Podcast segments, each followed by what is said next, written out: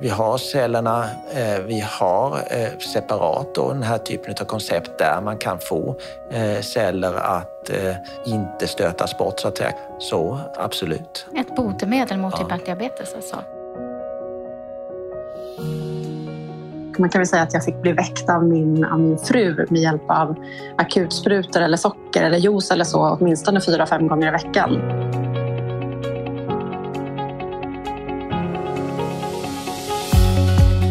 Varmt välkommen till Diabeteslabbet, en podd från Svenska Diabetesförbundet.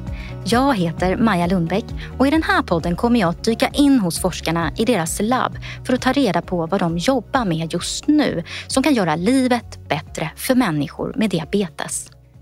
Idag ska vi prata om det som väldigt många av oss undrar. Kommer vi kunna bota typ 1-diabetes? Och i sådana fall, när då? Exakt vad som orsakar typ 1-diabetes är forskarna fortfarande inte säkra på. Men det som händer är att kroppens immunförsvar attackerar och slår ut de egna cellerna som gör insulin. Utan insulin dör vi. Det betyder att man måste vara jourhavande organ och ge kroppen insulin dygnet runt resten av livet. Just i år är det exakt 100 år sedan forskarna lyckades ge den första sprutan med insulin till en pojke med typ 1-diabetes som svävade mellan liv och död. Som i ett trollslag gick en av världens mest fruktade sjukdomar plötsligt att behandla. Men inte bota. I ett helt sekel har forskarna därför jagat nästa stora genombrott. En av de forskare som försöker hitta ett sätt att bota typ 1-diabetes är Per-Ola Karlsson. Han är professor i medicinsk cellbiologi och är först i Sverige med att lyckas få stamceller att börja producera insulin. Hej! Eller hur? Hej, Maja. Ja, det är PO alltså, inte Per-Ola. Ja. Vi har besökt honom i hans labb på Uppsala universitet.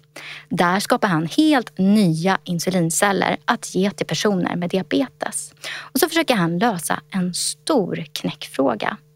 Hur får man kroppen att inte stöta bort de nya cellerna? Eller attackera dem också? Ja, men kul att få komma hit. Ja, det var ju smart va? Ja, det här var jätteskönt. Förklara, vad är det ni försöker göra här i labbet? Ja, eh, det vi försöker göra är att eh, ta fram insulinproducerande celler från stamceller. Eh, I förlängningen vill vi ju att den typen av celler ska kunna komma till gagn för patienter med typ 1-diabetes att transplantera dem. I nuläget är vi inte riktigt där, men vi prövar dem nu för närvarande i djurförsök för att senare kunna komma vidare med kliniska prövningar. Vad är stamceller? Stamceller är omogna celler som finns runt om i kroppen. Forskarna har hittat dem i bland annat hjärnan, levern, benmärgen och i musklerna. De är där hela livet för att kunna ersätta celler som naturligt dör och reparera kroppen. Idag kan forskarna också backa hudceller och blodceller till att bli stamceller igen och sen ge dem nya roller. Vi har fått följa med PO in bland odlingsskålar och mikroskop på hans labb där han alltså skapar nya insulinceller från omogna stamceller och sen testar hur bra de fungerar. Ja, så ser det ut. Det är liksom en liten odlingsskål och så är det någon vätska i den. Ja, och det är ju eh, dels eh, är det ju näringsämnen för cellerna och sedan tillförs det faktorer som gör att de mognar ut åt rätt håll så att de just blir insulinproducerande celler. Det styrs ju av vilka tillsatsämnen, vilka tillväxtämnen man tillför. Ja. Det är olika. Tillför man vissa så blir det nervceller, tillför man vissa andra så blir det nog exempelvis muskelceller eller i det här fallet insulinproducerande celler. Och innan de blev insulinproducerande celler så var de Vadå för något? Helt omogna celler. Skulle man skulle likna det vid någonting så skulle man likna det vid en äggcell kanske. En cell som inte är bestämd att bli någonting eh, men har förmåga att bli egentligen vad som helst. De här eh, insulinproducerande cellerna som odlas nu, var kommer de ifrån? De kommer eh, från eh, ja, hudbiopsier eller kommer de från eh, blodprover som vi tar från friska frivilliga eh, eller eh, frivilliga individer med typ 1-diabetes. Hur långt har ni kommit i er forskning? Det vi har jobbat med de sista åren är att eh, förutom att ta fram insulinproducerande celler från stamceller och karaktärisera dem noggrant så har vi också prövat och jämfört var cellerna fungerar bäst i kroppen.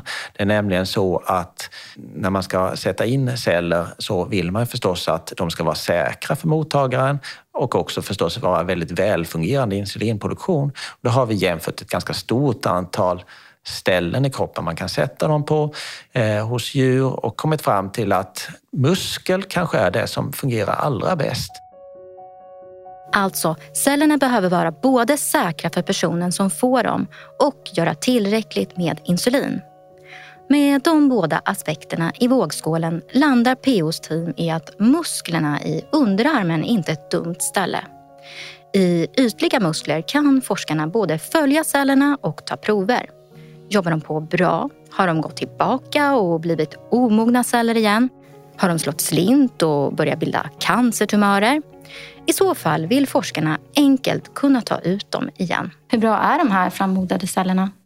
Eh, cellerna är eh, i paritet med eh, celler som vi får från organdonatorer. De producerar ungefär lika mycket insulin.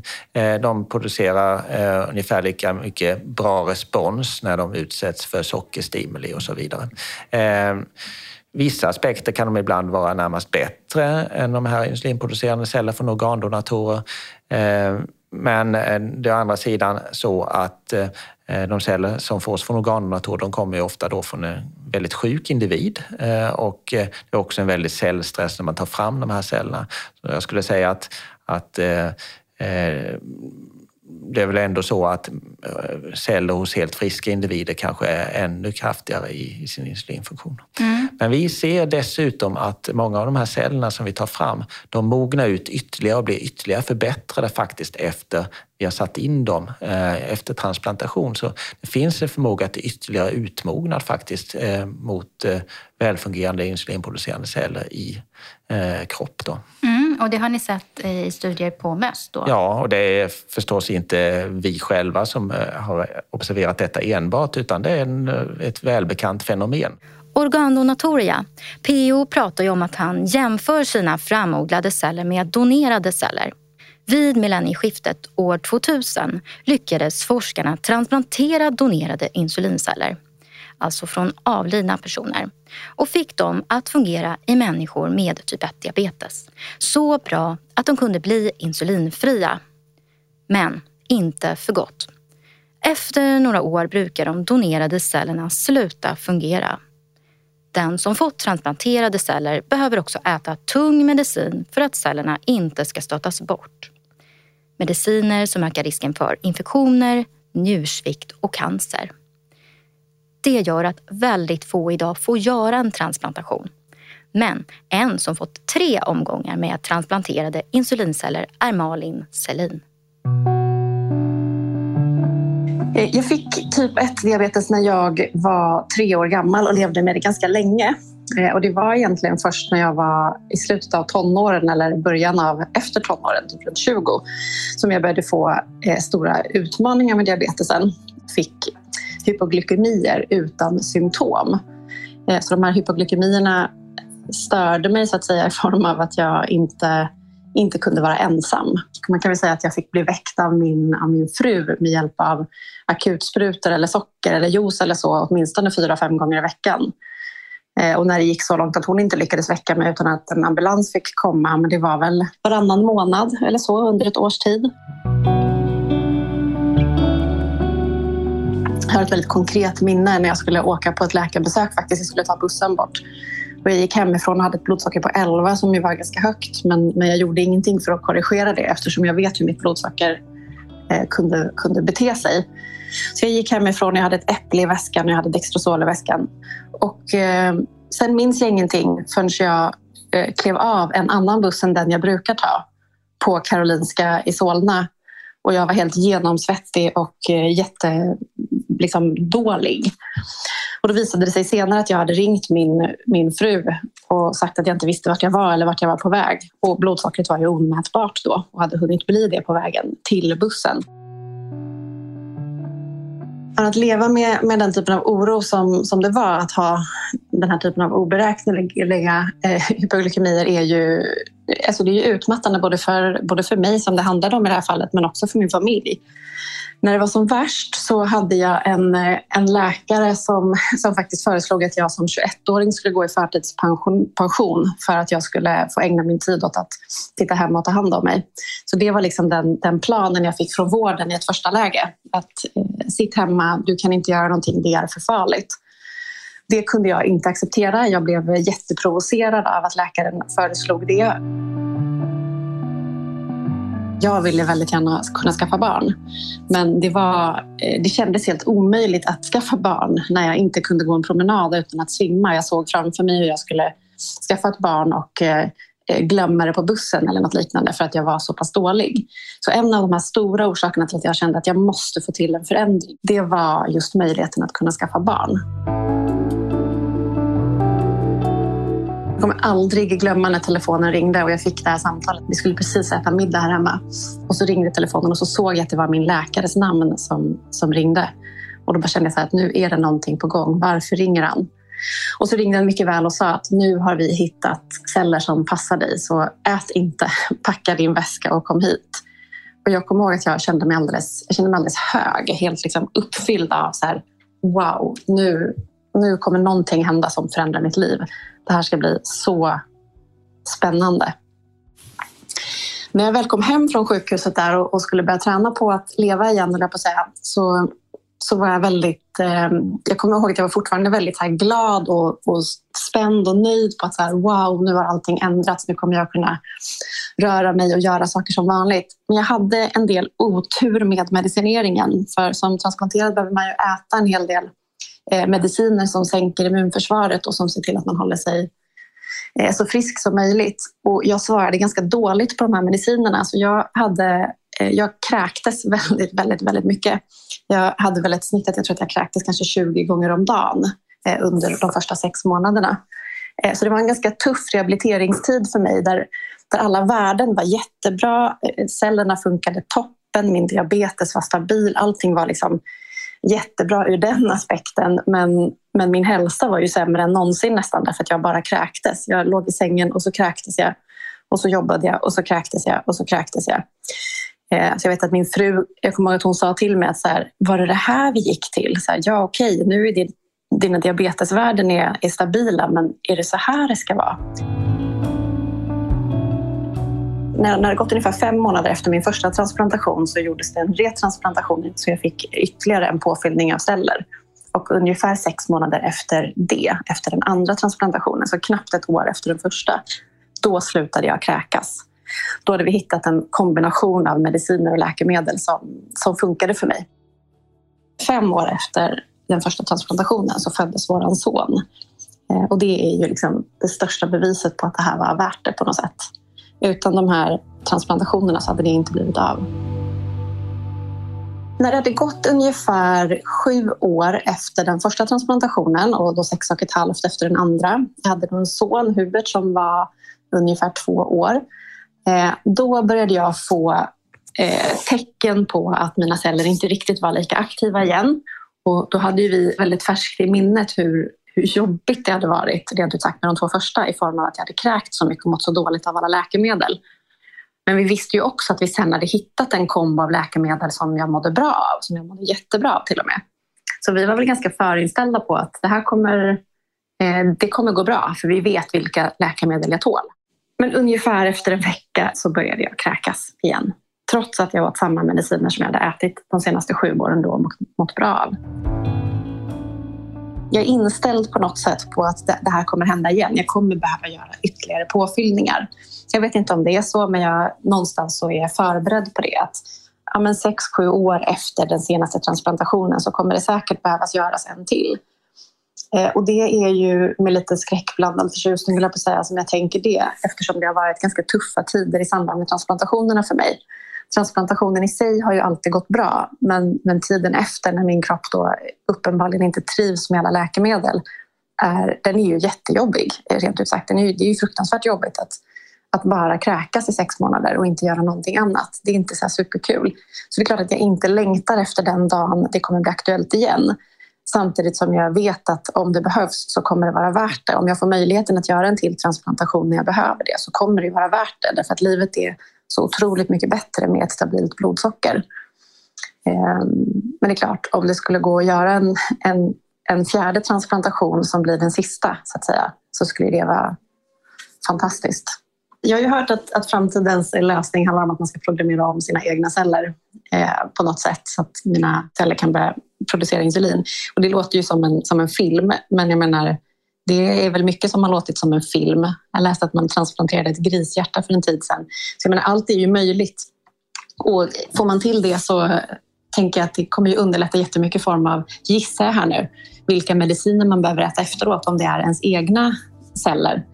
Det kanske också underlättar att det blir mindre, mindre medicinätande i form av immun, immunosuppression om det är ens egna celler. Och det skulle ju också vara jätteskönt för kroppen att slippa äta den typen av mediciner.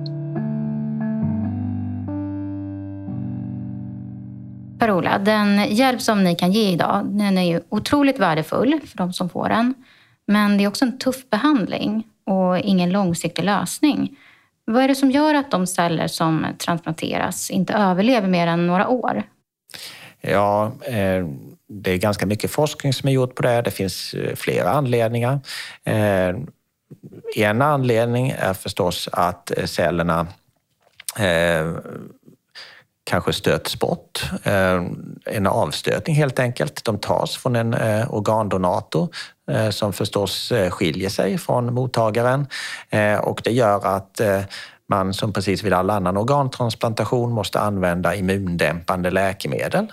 Eh, och de här immundämpande läkemedlen, dels är de förstås skadliga för cellerna i sig, eh, men det är också så att eh, trots att man har dem så kan man ibland få en avstötningsreaktion mot cellerna. Ibland är inte den immundämpningen tillräcklig. En annan komponent som kan bidra är återfall i grundsjukdomen. Det brukar vara svårt att bevisa men, men eh, teoretiskt sett kan man tänka sig att celler som transplanteras och som är då insulinproducerande eh, skulle kunna angripas på samma sätt som grundsjukdomen typ 1-diabetes eh, utvecklas. Och även det är ju då en immunologisk eh, attack och, och då så kommer den att vara eh, ganska svår att särskilja från en avstötning. Jaha, så man vet inte riktigt Nej, vad det är som händer? Exakt vilken av de två komponenterna kan vara lite svår att värdera. Mm. Eh, sedan det finns det massa ytterligare förklaringar också, exempelvis att cellerna då transplanteras vanligen in i levern eh, när man gör den här typen av ötransplantation. Eh, och det är förstås eh, ett ställe där de normalt sett inte finns. De finns ju normalt sett i bukspottkörteln.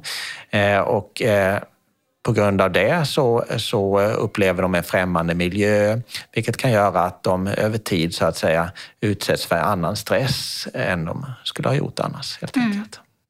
De här medicinerna som man måste äta, de verkar inte heller så himla enkla att ha att göra med. Nej, det är förstås så att immundämpande läkemedel de eh, behövs efter organtransplantation för att förhindra avstötning. Det är helt eh, nödvändigt. Eh, men de medför vissa både risker och eh, komplikationer. Totalt sett är det ju förstås mediciner som, som kan vara väldigt skadliga men också livsnödvändiga för transplantaten. Mm. Med det sagt så är det ju så att har man typ 1-diabetes så är det ju bara ett fåtal egentligen som eh, tjänar på att få den här typen av klassisk eh, organtransplantation med immundämpande läkemedel. Därför att eh, typ 1-diabetessjukdomen är ändå relativt välbehandlad idag. Så, så, även om man har en ökad risk för komplikationer så är det bättre att ha typ 1-diabetes än att ha den här typen av immundämpande läkemedel resten av livet. Mm. För flertalet. Men det finns förstås de individer som har så stora problem att det är meningsfullt att transplantera. Det kan förstås också vara så att om man har behövt göra en organtransplantation av ett annat skäl så finns det ju redan immundämpande läkemedel på plats så är det väldigt logiskt att man då passar på faktiskt att också ge insulinproducerande celler. Ja, ja, just det. Ja, så det kan ju vara om man har transplanterat en njure, det är det vanligaste, men förstås även annan organtransplantation. Mm. Men du, den här forskningen som ni håller på med, skulle den eh, innebära att man slipper att ta sådana här mediciner? Vi löser inte det problemet eh, om vi inte så att säga utvecklar konceptet. I grunden så kommer ju de här cellerna också från en annan individ. Men eh, det här med att man skulle kunna använda den egna, alltså, sin egen hud och sen så backa det till stamceller och sen göra om dem till insulinproducerande celler. Är det någonting som man skulle kunna tänka sig då som en lösning i framtiden? Att man använder celler från den egna kroppen? Det är förstås den lösningen som är mest tilltalande. Eh, det som egentligen begränsar den lösningen är två saker. Det ena är att eh, något vi inte riktigt förstår, men eh, vissas individers celler är svårare att få att bli insulinproducerande celler än andras. Så det är inte alltid man lyckas lika bra med den här utmognadsprocessen. Medan eh, vissa celler svarar mycket bättre på de här tillväxtfaktorerna och att bli insulinproducerande celler. Så då är det är ju då viktigt att man blir väldigt reproducibel, att man alltid lyckas lika bra med sin utmognad. Den andra komponenten är en krass ekonomisk fråga, nämligen att Eh, det är väldigt dyrt förstås att eh, utveckla insulinproducerande celler från varje individ som ska behandla och sedan behandla varje individ. Eh, det är också så att den här typen av läkemedel som det klassas som i slutändan är ju det är ju ett cellterapiläkemedel då som måste ägas av ett företag och då ligger det ekonomiska intressen att försöka framställa produkter så billigt som möjligt. Så jag skulle säga att den här typen av transplantation från, eh, där man tar fram för varje individ, eh, kan man hitta något annat sätt som är billigare så är det förstås mycket bättre. Men är detta det enda sättet, ja då är det fullt möjligt att det är den vägen man ska vandra. Det man helst vill så att säga, det är förstås att kunna eh, ta celler från vilken individ som helst, eh, att göra insulinproducerande celler i gigantiska mängder och sedan modifiera cellerna så att de inte stöts bort. Här finns det enligt PO två vägar att gå. Den ena är att kapsla in insulincellerna som sätts in i kroppen så att de inte nås av immunförsvaret.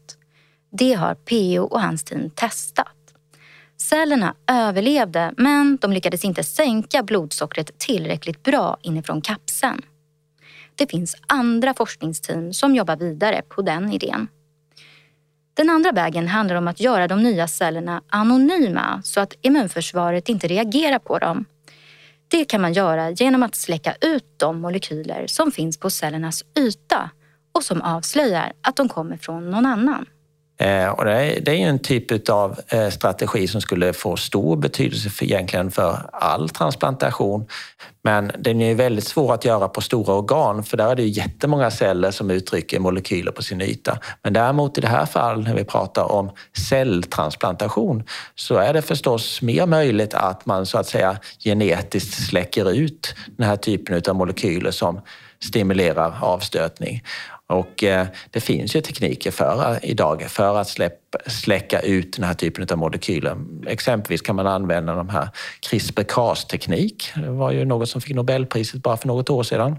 Och det är ju någonting som vi hoppas framöver kunna göra också här i Uppsala. Så det är väl egentligen vårt projekt som vi hoppas också kunna utveckla framöver. Eh, och då betyder det att man framställer ett cellläkemedel då som man kan ge till oerhört många individer, egentligen alla som har typ 1-diabetes. Mm, vad bra. Eh, det, det, är ju det teoretiska i detta i alla fall. Och, mm. och den här typen av strategier har prövats, åtminstone för andra celler, i djurförsök eh, där man har sett att man har kunnat komma runt eh, avstötning. Eh, det finns experimentella tekniker för det här, eh, men man har inte i nuläget anpassat dem för att framställa cellläkemedel på det här sättet och det skulle ju vara fantastiskt om vi skulle kunna göra det. Men har ni börjat jobba här i Uppsala med att försöka göra cellerna toleranta mot avstötning? Vi ska väl uttrycka oss att vi ligger i startgroparna för det. Eh, för det är ju ett samarbete som vi precis har inlett och där vi hoppas komma vidare kring detta. Eh, där vi då ska lära oss den här typen av teknik och etablera den här typen av cellproduktion. Det som PO och hans team också tittar på är om det är någon skillnad i hur effektiva insulincellerna blir som man odlar fram beroende på vem som är donatorn. Spelar det någon roll om de kommer från en frisk person, från en person med typ 1-diabetes och om den personens blodsockerkontroll varit bra eller dålig genom livet? Och det är förstås eh, viktiga frågor därför att det kan ju påverka att är det nu så att eh, eh vi behöver framställa insulinproducerande celler från en individ eh, som då eh, man ska använda för att behandla samma individ, då är det ju besvärande förstås att de som så att säga är i störst behov av cellerna, de som kanske har sämst blodsockerkontroll, om eh, framställning av deras celler blir sämst. Eh, utan eh, det gör ju att man i så fall måste än mer titta på det här konceptet att man ska framställa insulinproducerande celler från en och samma donator som då ger väldigt potenta celler som man då i förlängningen förhoppningsvis kan använda för att ge till samtliga individer med typ 1-diabetes. Så att man, man väljer en superdonator så att säga som man eh, tycker ger väldigt bra eh, effektiva celler. En superdonator? Ja. Mm. I motsats till superspridare. Just det. Ja. Tänk om det alltså blir möjligt att ta en cell från en superdonator putsa bort molekyler på ytan så att den blir anonym och låta den mångdubbla sig. Då kan den bli ett läkemedel som alla med typ 1-diabetes skulle kunna få och på så sätt bli botade. Hösten 2021 spreds nyheten över världen att en första testperson i en amerikansk studie som pågår nu hade fått nya insulinceller som odlats fram från just stamceller och att de verkade fungera. I rubrikerna ställdes frågan, var han den första som botats från typ 1-diabetes? Jag tänkte på den här studien i USA där flera personer har fått då manipulerade celler som ska hålla dem insulinfria. Mm. Eh, vad betyder den studien? Eh, jag gissar att du tänker på Vertex-studien. Eh, det är en studie som eh, pågår för närvarande i USA där man då eh, har eh, tagit fram insulinproducerande celler från embryonala stamceller eh, och som man eh, sedan har framställt nu då eh, som ett läkemedel. Och man har hunnit behandla tre individer med typ 1-diabetes med den här typen av celler och man har gett dem då i det blodkärl som leder in i levern, i, i, i portalvenen. Eh, I samtliga de här tre individerna såg man en, ett kraftigt sänkt insulinbehov. Eh, jag tror inte att man helt botade dem, men man kraftigt kunde sänka det egna insulinbehovet. Man gav alltså väldigt funktionell vävnad som hjälper till att reglera blodsockret och man fick också mycket lägre eh, genomsnittlig blodsockernivå. Det som dock gäller för de här tre individerna är att de har fått full immundämpning, det vill säga man har fått immundämpande läkemedel precis som Eh, om man hade fått istället eh, organdonatoröar, langerhanska öar från organdonatorer. Så konceptet är väldigt likartat, man använder samma organ, man använder samma immunsuppression. Skillnaden är att de cellerna, de insulinproducerande eh, cellerna man använder, de kommer då från stamceller och inte från organdonatorer. Men eh, eftersom man behöver den här immundämpningen så förväntar jag egentligen inte att det konceptet kan komma så mycket längre för eh, åtminstone i Norden är det så att eh, vi har ingen brist på Eh, vävnad från organdonatorer för transplantation till, eh, till individer med typ 1-diabetes eftersom vi inte vill transplantera särskilt många på grund av att de här immundämpande läkemedlen ändå är så skadliga. Och för flertalet individer med typ 1-diabetes är det faktiskt bättre att ha typ 1-diabetes än att ha immundämpande läkemedel. Så därför är just det eh, upplägget inte egentligen så tilltalande, men det är ett proof of concept förstås som visar att insulinproducerande celler från stamceller kan fungera väldigt bra även hos människa och i princip bota individer med mm. typ 1-diabetes. Men det stora problemet har man kvar, nämligen att eh, komma bort från de immundämpande läkemedlen. Det är ju först där, om man har lyckats med det, som så att säga vi har ett koncept som skulle vara intressant för alla med typ 1-diabetes. Mm. När tror du att det kan bli aktuellt att man testar den här typen av eh, insulinproducerande celler som också har det här eh, skyddet, eller vad man ska säga, det som gör att de inte stöts bort? Ja, vi hoppas ju komma igång inom de närmsta två åren med den typen av studier. Det kan vara så att vi gör förstudier där vi istället använder eh, samma typ av modifiering av insulinproducerande celler framtagna från organdonatorer som ett mellansteg. Vi får se exakt hur vi lägger upp eh, det här upplägget för att komma till klinik. Mm, spännande. Hur lång tid är det kvar tror du tills vi kan bota typ 1-diabetes? Jag skulle säga att nu har vi insulinproducerande celler från stamceller. Skulle vi nu också kunna kombinera det med den här typen av strategier att ta bort behovet av immundämpande läkemedel och man får de koncepten att fungera, då kan man i det läget faktiskt nog säga 5 till 10 år. Eh, så det är inte superlångt borta trots allt. Nej, ett botemedel mot typ 1-diabetes alltså?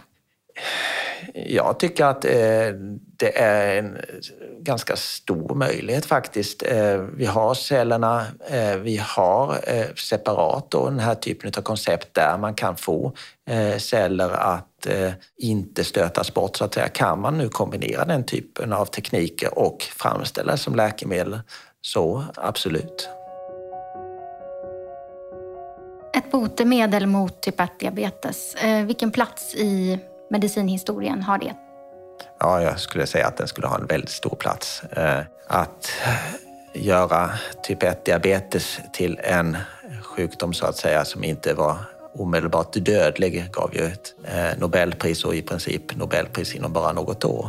Eh, jag skulle säga att, att kan man göra typ 1-diabetes till en botbar sjukdom, ja då skulle detta vara ett ännu större framsteg.